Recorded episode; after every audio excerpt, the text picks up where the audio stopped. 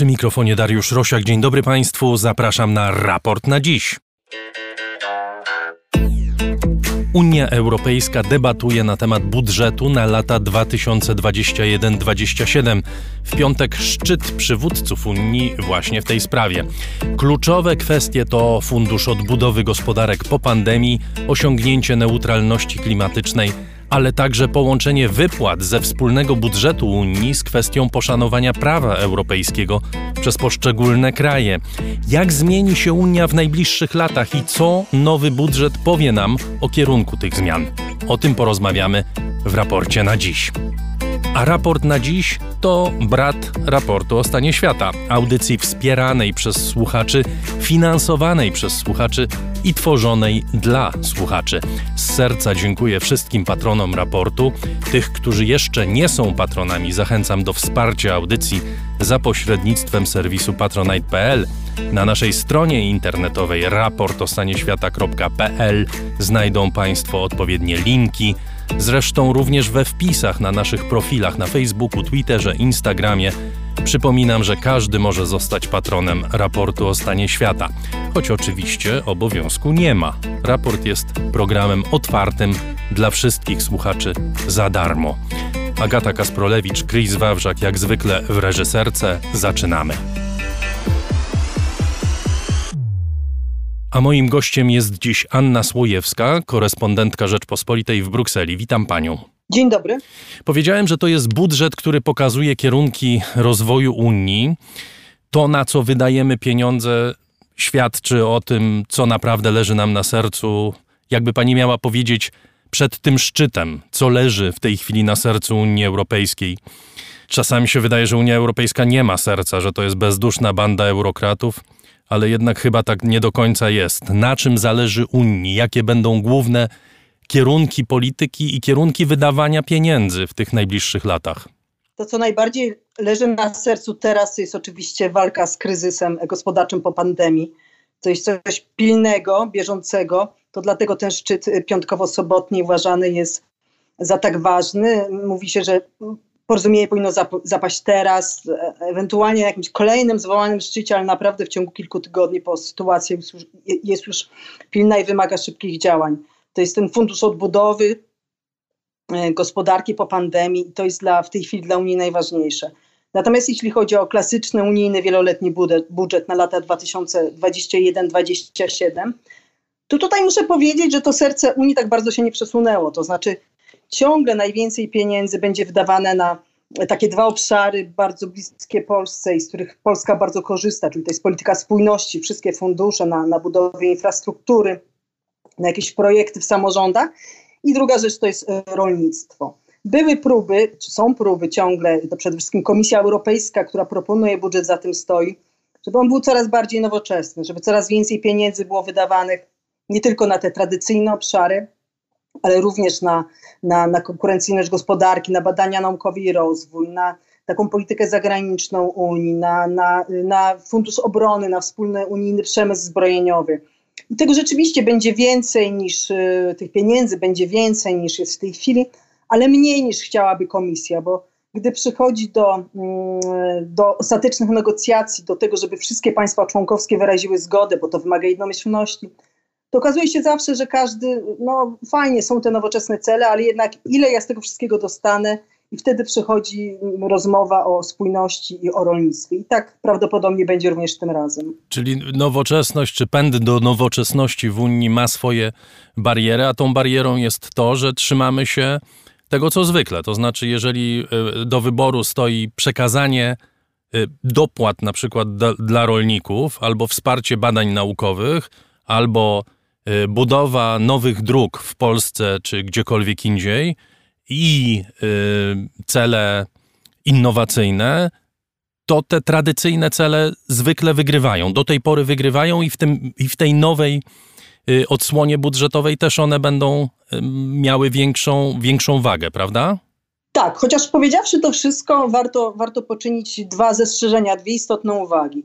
Po pierwsze, jednak to, co powiedziałam, tych pieniędzy w każdym budżecie na spójność, na rolnictwo, w każdym budżecie jest trochę mniej, a na te nowe cele, choć nie w tak ambitny sposób, nie tak spektakularnie, jak chciałaby tego Bruksela, jest trochę więcej. To jest pierwsze zastrzeżenie. Więc jednak to się stopniowo zmienia. Wszyscy mówią, Unia to nie jest, to nie jest jakiś szybki statek, to jest lotniskowiec, który bardzo powolutku zmienia kurs i on ten kurs powolutku zmienia, on, ona ten kurs powolutku zmienia. Drugie istotne zastrzeżenie jest takie, i to zresztą Polska też często mówi, że te tradycyjne polityki, one już nie są takie tradycyjne, w tym sensie, że mm, jest wymóg, żeby zarówno w rolnictwie, jak i polityce spójności pieniądze były wydawane jednak według bardziej nowoczesnych kryteriów. Sama polityka rolnictwa przeszła niesłychaną zmianę, dokonała się bardzo głęboka reforma i ona jest coraz bardziej nowoczesna. Spójność to samo. W tym budżecie istotny będzie bardzo czynnik, który zresztą Polsce się niespecjalnie podoba, mianowicie jest propozycja, żeby około 40% pieniędzy w polityce rolnej i w polityce spójności było wydawana na cele powiązane z działaniem na rzecz klimatu, czy walką ze, ze, zmianą klimatyczną. Więc niby będzie to polityka tradycyjna, ale jednak coraz bardziej kształtowana przez te nowe unijne priorytety. W tym przypadku głównie to jest klimat, polityka klimatyczna. No, drugim takim priorytetem jest cyfryzacja. To, to akurat Polska nie ma z tym problemu. Polska ma głównie problem z polityką klimatyczną. Zanim przejdziemy do szczegółów, chciałbym, żeby jeszcze pani przypomniała słuchaczom, albo być może e, wyjaśniła niektórym, e, co to jest w ogóle budżet Unii, jak się go oblicza, jaką w skali w ogóle dochodów państw w Unii Europejskiej, jaką rolę pełni budżet Unii? Budżet Unii to jest, nie, nie wiemy dokładnie ile teraz będzie, ale to zazwyczaj jest 1% z minimalnym kawałkiem, jakimiś sytnymi ułamkami e, dochodu narodowego brutto wspólnego wszystkich państw Unii. Teraz mówimy o 27, Wielka Brytania już nie jest w tym liczona. De facto to jest bardzo mało, to jest, to jest, to jest niewiele w porównaniu z budżetami narodowymi mm, każdego z tych krajów. No każdemu zostaje 99%, jak widać. E, I z tego wszystkiego są finansowane wspólne unijne e, polityki.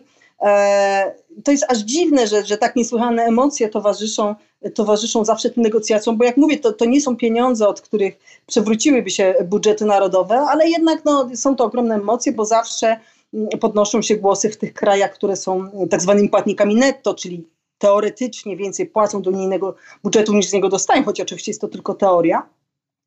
E, zawsze tam się podnoszą głosy, no, że okej, okay, co innego jest wydawać pieniądze na nasz budżet narodowy, a co innego na budżet unijny, gdzie musimy dopłacać do innych krajów, prawda? Więc dlatego to jest takie emocjonalne, jakby nawet nie z powodu samych sum, e, które nie są imponujące w porównaniu z budżetami narodowymi, ale z powodu tego, no, że te pieniądze wypływają z budżetu krajowego na finansowanie, finansowanie mm, jakichś projektów w innych krajach. E, proszę powiedzieć, już przechodząc do szczegółów, z jakiego punktu zaczynaliśmy i w jakim punkcie jesteśmy? To znaczy, jaki był początkowy plan komisji? Mamy teraz plan Charlesa Michela, przewodniczącego Rady Europejskiej. Czy on e, zmienił jakoś zasadniczo te propozycje, które komisja zgłosiła? Właściwie były dwie propozycje komisji. Jedna to była sprzed dwóch lat, i ona, e, ona była podstawą negocjacji na szczycie e, budżetowym w lutym, przed wybuchem pandemii. No ale oczywiście pandemia tutaj wiele zmieniła. Nie tylko wymusiła wymyślenie tego funduszu odbudowy, ale też w samym tym klasycznym budżecie pewne zmiany zaszły. W związku z tym komisja dokonała pewnych korekt, podniosła trochę ten budżet i wyszła z nową propozycją w maju. W tej nowej majowej propozycji zaproponowała bilion 100 miliardów euro E, w którym to, mm, w którym to garnuszku Polska mogłaby liczyć, tak się szacuje, na około 93 miliardy euro w polityce rolnictwa i polityce spójności. Charles Michel, czy przewodniczący Rady Europejskiej, jest odpowiedzialny za to, żeby, tak, żeby poprowadzić negocjacje w gronie 27 przywódców e, państw Unii. E, I on musi wypracować niedomyślność na tym, na tym szczycie, czy na jakimś kolejnym szczycie. On zmienił trochę tę propozycję komisji obniżył ją z biliona 100 miliardów na, na, na bilion 74 miliardy, tak 25-26 miliardów euro uciął. Przy czym uciął głównie z tych, wracam do, do pierwszego wątku, tak zwanych nowoczesnych polityk, natomiast spójność i rolnictwo pozostawił nietknięte, więc dla Polski to jest, to jest jakby zero, zerowy jest tutaj skutek tych, tych zmian Charlesa Michela. No i y, teraz na szczycie w piątek, on też pewnych zmian dokonał w tym funduszu odbudowy. Tam był pomysł pewnego dzielenia tych pieniędzy, no, w wyniku którego Polska miała być trzecim beneficjentem funduszu odbudowy po pandemii. On trochę to zmienił w ten sposób, żeby już nie wszystko dzielić teraz, teraz podzielić 70% tych dotacji, a 30% podzielić za dwa lata, jak będziemy lepiej wiedzieli, jakie są skutki gospodarcze pandemii. No i to wszystko teraz będzie przedmiotem e, obrad. I tu może o tyle ważne, to wa ważna jest ta zmiana w kontekście Polski, ponieważ Polska plasuje się e, na samym dole, jeśli można tak powiedzieć, państw, które ucierpiały e, w wyniku COVID-u, albo na górze, można powiedzieć, tych najbardziej skutecznie walczących z pandemią. A zatem w ramach tych 30% rozdzielanych za dwa lata pewnie Polska straciłaby, dostałaby mniej niż według tej pierwszej propozycji, prawda? Z pewnością, choć on, oczywiście ciężko jakby rządowi taki argument stosować, że my się nie zgadzamy na te 70-30, bo jeśli będziemy się rozwijać dobrze, to stracimy, prawda? No bo w sumie każdy kraj chciałby się rozwijać dobrze i to jest tak, Michel tak to sprytnie zagrał, że mm, trudno się temu sprzeciwiać, bo przecież chyba nic złego, że się mało ucierpi na, na, na, na pandemii w sensie gospodarczym, a Polska rzeczywiście według prognoz komisji ma być krajem najmniej dotkniętym. No ale to jeszcze nie jest przesądzone. Tutaj wiem, że, że dużo krajów ma z tym problem. Mm, głównie z tym, że jakby nie wiadomo, że jeśli zgodzimy się na 70-30%, to nie będziemy wiedzieli dzisiaj, ile dostaniemy. To jest dla wielu krajów problem. Z reguły jak się dzieli pieniądze, z góry wiadomo, mniej, więcej, ale wiem, jaką kwotą dysponuje przez najbliższe lata. Gdyby zgodzić się na propozycję Michela, nie wiemy tego, prawda? Więc dla różnych krajów tutaj, z różnych punktów widzenia jest to jakimś problemem. Jeszcze jedna ważna rzecz bo my mówimy y, o tym funduszu odbudowy popandemicznej, nazwijmy go, w kontekście budżetu. Czy to są pieniądze, które przewidziane są w ramach budżetu, czy to są pieniądze z jakichś innych źródeł? One są z innych źródeł, natomiast są, część z nich jest włożona do budżetu, żeby zagmatwać całą sprawę w sensie rachunkowym i żeby zmusić przywódców do tego, żeby dwie rzeczy uzgodnić jednocześnie, żeby tego nie rozdzielać. Natomiast one oczywiście rzeczywiście pochodzą z innych źródeł, ponieważ budżet, tak jak już wspomnieliśmy, e, budżet jest, to jest po prostu tworzony ze składek państw członkowskich. Każde państwo członkowskie płaci e, jakiś procent swojego mm, e, w stosunku do swojego dochodu narodowego, jakiś procent płaci do unijnego budżetu. Wiadomo w związku z tym, że Niemcy płacą najwięcej, bo mają największy dochód narodowy. Polska płaci znacznie mniej, bo ma mniejszy ten dochód narodowy. Natomiast ten fundusz odbudowy miałby być finansowany z pożyczek. Unia Europejska właściwie po raz pierwszy w historii miałaby pójść na rynek finansowy e, i e, to Komisja Europejska fizycznie by robiła w imieniu 27 państw Unii, e, zaciągnęłaby pożyczkę, inwestorzy na całym świecie, nie wiem, fundusze emerytalne, fundusze inwestycyjne kupiłyby takie papiery wartościowe udzieliłyby takiej pożyczki wartej według wstępnej propozycji 750 miliardów euro. No potem te pieniądze oczywiście musiały być spłacone, ale w jaki sposób e, i od kiedy, to znaczy według jakiego klucza, które państwo ile by płaciło do, do, do tej spłaty, jak to by miało być rozwiązane, to jeszcze nie jest ustalone. I wiemy, że są co najmniej cztery państwa Unii Holandia, Austria, Dania i Szwecja którym to się bardzo nie podobało od samego początku. Czy im się to mniej teraz podoba? Głównym problemem jest Holandia. Y, pozostałe kraje wspomniane, Szwecja, Dania, Austria, również zresztą Finlandia tutaj kręci nosem na te dotacje. Mm, to są kraje, które mm, mają problem z tym, że są dotacje, że ich jest 500 y, miliardów, bo taka jest suma przewidziana w funduszu, który ma 750 miliardów, 500 miliardów mają być dotacje, reszta pożyczki. Te wszystkie kraje mają problem z tym, że to są dotacje. Na początku mówił, że absolutnie tych dotacji może ma nie być, Teraz oficjalnie utrzymują tę linię, ale nieoficjalnie oczywiście są gotowe na pewne ustępstwa, po prostu chcą, żeby było mniej tych dotacji. Natomiast jest wielki problem z Holandią, bo Holandia tutaj stawia dodatkowe warunki, nie tylko dotyczące wielkości tego funduszu, ale ona też by chciała, żeby za każdym razem, gdy jakieś państwo, całe te pieniądze mają być powiązane z reformami. Państwa Unii po prostu mają robić reformy, i dostawać te pieniądze, żeby jakby no, wzmocnić swoje gospodarki, żeby w przyszłości lepiej tej gospodarki znosiły takie, no, takie, takie szoki jak ten wirus. E, no i Holandia mówi, że mm, każda decyzja, każdorazowa decyzja o wypłacie pieniędzy jakiemuś państwu, czy będzie Polska, czy Hiszpania, czy Włochy, ma zapadać jednomyślnie. Za każdym razem 27 państw musi wyrazić na to zgodę. To jest oczywiście zupełnie inaczej niż w unijnym budżecie, bo w unijnym budżecie raz podzielimy pieniądze. Załóżmy, że Polska dostanie tak zwaną kopertę narodową kilkudziesięciu miliardów euro i potem tych pieniędzy już nam nikt nie może odebrać i komisja jakby tylko dostaje projekty od Polski, które spełniają kryteria, są zgodne z jakimś unijnym planem i komisja te pieniądze wypłaca. Natomiast Holandia chciałaby, żeby w funduszu odbudowy Za każdym razem jednomyślnie 27 państw decydowało, czy wypłacimy te kilkanaście miliardów euro jakiemuś krajowi. No to jest oczywiście przepis na kompletną porażkę, bo po prostu nigdy takiej jednomyślności nie uda się uzyskać w każdej decyzji. I w związku z tym niemiecka prezydencja, która, która kieruje od 1 lipca Unią, proponuje, żeby takie decyzje, owszem, żeby były decyzje podejmowane inaczej niż w budżecie, żeby każdorazowo taka decyzja zapadała, ale żeby była ona podejmowana kwalifikowaną większością głosów. No, Holandia mówi absolutnie nie ma być jednomyślność. I właściwie o to głównie się rozbija. Jeśli, jeśli szczyt upadnie, no to głównie z powodu oporu Holandii. Dobrze, przejdźmy do kolejnych tematów, bo y, to jest ten najbardziej y, powiedzmy zaogniony spór czy temat y, szczytu. Natomiast są jeszcze co najmniej dwa, tak mi się wydaje, takie, które mogą budzić pewne problemy. Zielony Ład. Unia postawiła sobie za cel osiągnięcie neutralności klimatycznej w 2050 roku. I sposobem dochodzenia do tego celu, między innymi, ma być Fundusz Sprawiedliwej Transformacji, y, z którego mają być finansowane te regiony, y, gdzie dominuje węgiel, gdzie koszty zmian będą bardzo wysokie i gdzie y, rzeczywiście trzeba będzie wspomóc pracowników, firmy i tak dalej. I tutaj Polska ma być największym beneficjentem tego funduszu, ale chyba tu się nie zmieniło nic, jeśli chodzi o stanowisko czy to komisji, czy przewodniczącego Rady Europejskiej. Tylko jeśli Polska zobowiąże się do udziału w tej polityce Zielonego Ładu, te pieniądze trafią do Polski. Tu się nawet zaostrzyło to stanowisko, dlatego że w lutym e, Charles Michel proponował tak, takie łagodniejsze powiązanie, może połowę tych pieniędzy, ale w międzyczasie sam fundusz się zwiększył. Początkowo Polska miała, mogła liczyć na około 2 miliardy euro. W nowym propozycji mówimy nawet o 8 miliardach euro. No i tutaj też następuje takie bardzo, mm, bardzo y, bezpośrednie powiązanie. Te pieniądze będą wypłacane z tego Funduszu Sprawiedliwej Transformacji, będą wypłacane wyłącznie krajom, które zobowiążą się do własnego narodowego celu neutralności klimatycznej w 2050 roku.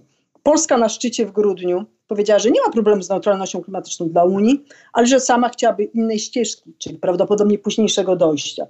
No jeśli chce te pieniądze z Funduszu Sprawiedliwej Transformacji, to oczywiście będzie musiała się zobowiązać, niekoniecznie już teraz, dlatego że teraz po prostu zapadnie decyzja co do, co do odnośnie do, do budżetu, do wielkości budżetu, natomiast pieniądze będą wypłacane fizycznie pewnie nawet nie w przyszłym roku, ale może nawet rok później, bo to te wszystkie projekty trochę, trochę to zajmuje ich opracowanie. No ale w każdym razie w najbliższych miesiącach będzie musiała się zobowiązać do tego, że, um, że do tej neutralności klimatycznej dojdzie, tak jak inne państwa Unii, w 2050 roku. To jest jeden problem. A drugi problem jest to, o czym wspomniałam, czyli 40% rolnictwa i 40% spójności musi być powiązane z um, polityką klimatyczną. Z tego, co mi wiadomo, Polska też ma z tym duży problem. No i jeszcze jedna istotna kwestia, to znaczy połączenie wydatków budżetowych z praworządnością. O tym się mówi od jakiegoś czasu, zwłaszcza od 2015 roku, jeśli chodzi o Polskę. E, jak tutaj ta debata e, się rozwija, bo widzimy różne inicjatywy. Ostatnia inicjatywa e, przewodniczącego Komitetu Wolności Obywatelskich i Sprawiedliwości w Parlamencie Europejskim, hiszpańskiego posła, e, który no po prostu domaga się tego, żeby jasno ograniczyć e, wpływy z budżetu Unii Europejskiej krajom, które nie przestrzegają zasad praworządności. Czy na tym szczycie w ogóle Pani zdaniem ten temat będzie poruszany i, i w jakim kierunku będzie to szło? Na pewno będzie poruszany i moim zdaniem sprawa jest przesądzona. To znaczy, takiego mechanizmu albo nie będzie, albo będzie on bardzo słaby.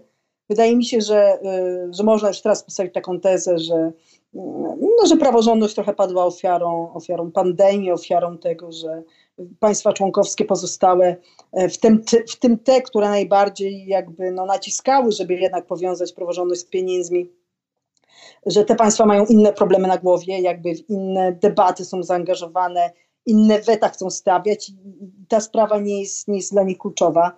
E, też y, trochę jest tak, że po prostu dla wielu państw ten fundusz odbudowy jest bardzo pilnie potrzebny i nie chcą przeciągania dyskusji. No przypomnę, dla budżetu potrzebna jest jednomyślność, więc weto jakiegokolwiek kraju, w tym przypadku Polski czy Węgier, jeśli chodzi o mechanizm praworządności, no zablokowałoby te rozmowy na, na kolejne miesiące i myślę, że nikt takiego ryzyka nie będzie podejmował.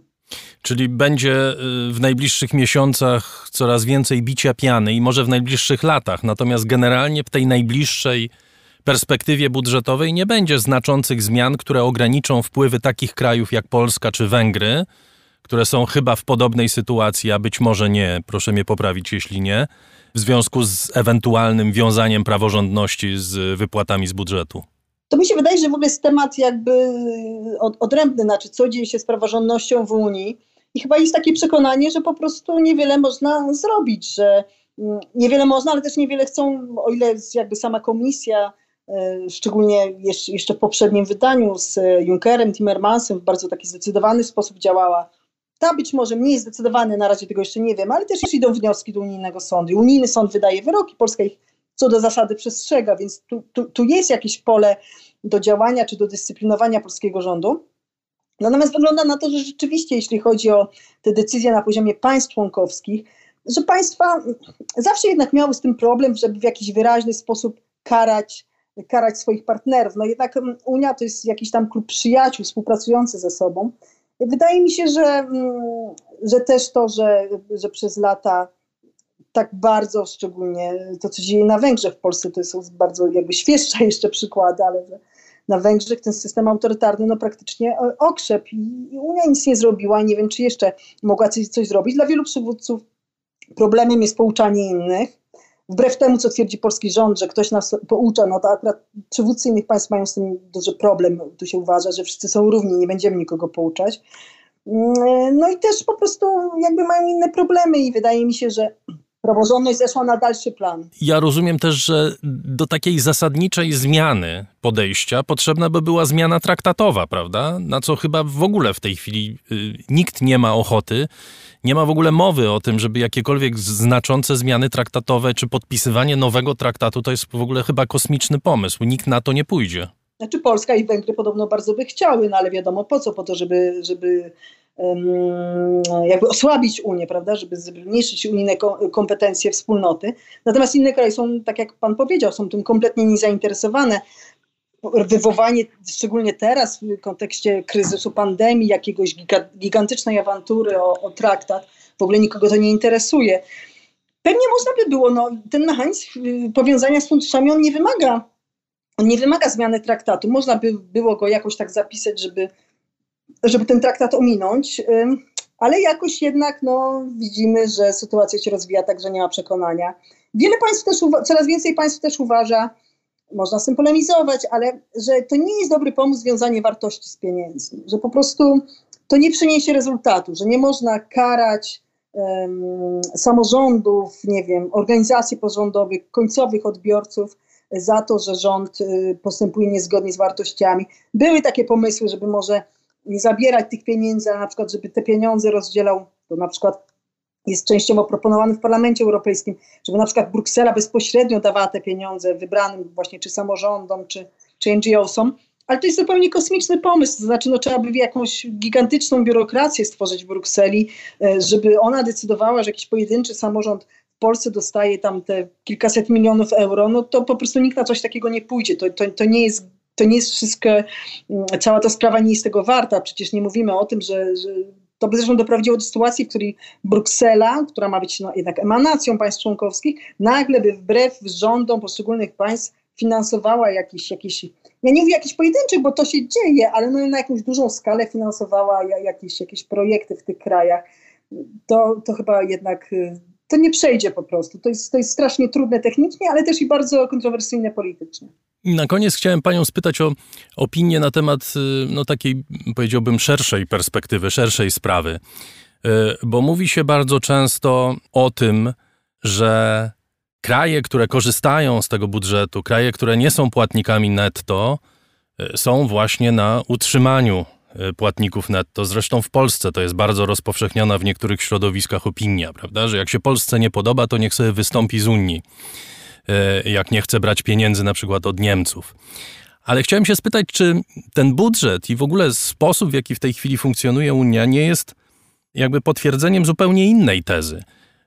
Mianowicie, że przez te ostatnie perspektywy udaje się nieco wyregulować te zależności w Unii, prawda? Bo przecież przepływy pieniędzy z Niemiec do Polski, czy przepływy inwestycji polsko-niemieckich, to nie jest coś, co jest jednoznacznie na korzyść jednej ze stron. To jest system naczyń połączonych, którym chyba Unia Europejska miałaby być w, so, w swoim założeniu, prawda? Które służą, nie wiem, większej sprawiedliwości, większemu poczuciu również jakby istotności poszczególnych e, państw i poszczególnych społeczeństw w ramach Unii. No, powiedzmy sobie szczerze, nikt w Unii Europejskiej nie zajmuje się działalnością charytatywną. Przecież można to wszystko w piękne słowa ubierać. Może jakaś tam część wynika z jakiegoś wewnętrznego przekonania o potrzebie solidarności, ale to wszystko są twarde interesy ekonomiczne. I myślę, że bardzo dobrze. Widziałam takie tytuły w polskiej prasie nazwijmy to prawicowej, że e, jak Angela Merkel zgodziła się bardzo nieoczekiwanie na ten fundusz odbudowy, który to jest 500 miliardów euro dotacji, 7, 250 pożyczek i to przecież Niemcy w wielkiej, w wielkiej mierze będą potem spłacać tę pożyczkę na rynkach finansowych. No i takie się pojawiły takie prześmiewcze argumenty, no że przecież wiadomo, że Niemcy na tym skorzystają, no bo jakby Polska, Hiszpania, Włochy, Francja tych pieniędzy nie dostały, to to by popadły w większy kryzys i wtedy Niemcy by nie mieli wielkich rynki, rynków zbytu. A ja uważam, że to wspaniale, to znaczy doprowadziliśmy do sytuacji, w której Niemcy zmuszone są zgodzić się na taki gigantyczny fundusz, dlatego że inaczej nie będą, nie będą dlatego że inaczej będzie to problem dla ich gospodarki. Wydaje mi się, że, że na tym właśnie polega wielkie osiągnięcie Unii, że wszyscy już się tak bardzo powiązali, że jeden bez drugiego nie może żyć. To znaczy Brytyjczykom się wydaje, że mogą żyć, ale to jest po pierwsze jeszcze nie wiemy, jak to im wyjdzie, a po drugie to jest jednak no, ogromny kraj, to, to jest trochę inna sytuacja niż Polski. Ale rzeczywiście to pokazuje, że, że, że, to jest, że to jest jakby coś za coś, prawda? To znaczy ci, którzy płacą, teoretycznie płacą netto, więc są płatnikami netto, no to oni przecież korzystają na tym, że mają, że mają wielkie rynki, bo taka Holandia jest bardziej rozwinięta, prawda? I ona te, czy Szwecja, czy Niemcy, i ona te swoje produkty z tą większą wartością dodaną może sprzedać w krajach mniej rozwiniętych, jak na przykład Polska. Jej firmy na tym korzystają. Każdy na tym korzysta. Zresztą Holendrzy to przyznają. Oni mówią, my wiemy, że budżet to jest cena za wspólny rynek. Że wspólny rynek ma swoją cenę. Tym, tą ceną jest budżet. Tylko uważam, że ona tej określonej sytuacji politycznej, trudnej, jaka jest w Holandii, powinna być niższa. Bardzo dziękuję. Anna Słojewska, korespondentka Rzeczpospolitej w Brukseli, była gościem raportu na dziś. Dziękuję bardzo, do usłyszenia. I to już wszystko w dzisiejszym raporcie na dziś. Agata Kasprolewicz, Chris Wawrzak, Dariusz Rosiak, dziękujemy bardzo. Raport o stanie świata to jest wielki eksperyment medialny. Udał nam się ten eksperyment i za to z serca Państwu dziękuję.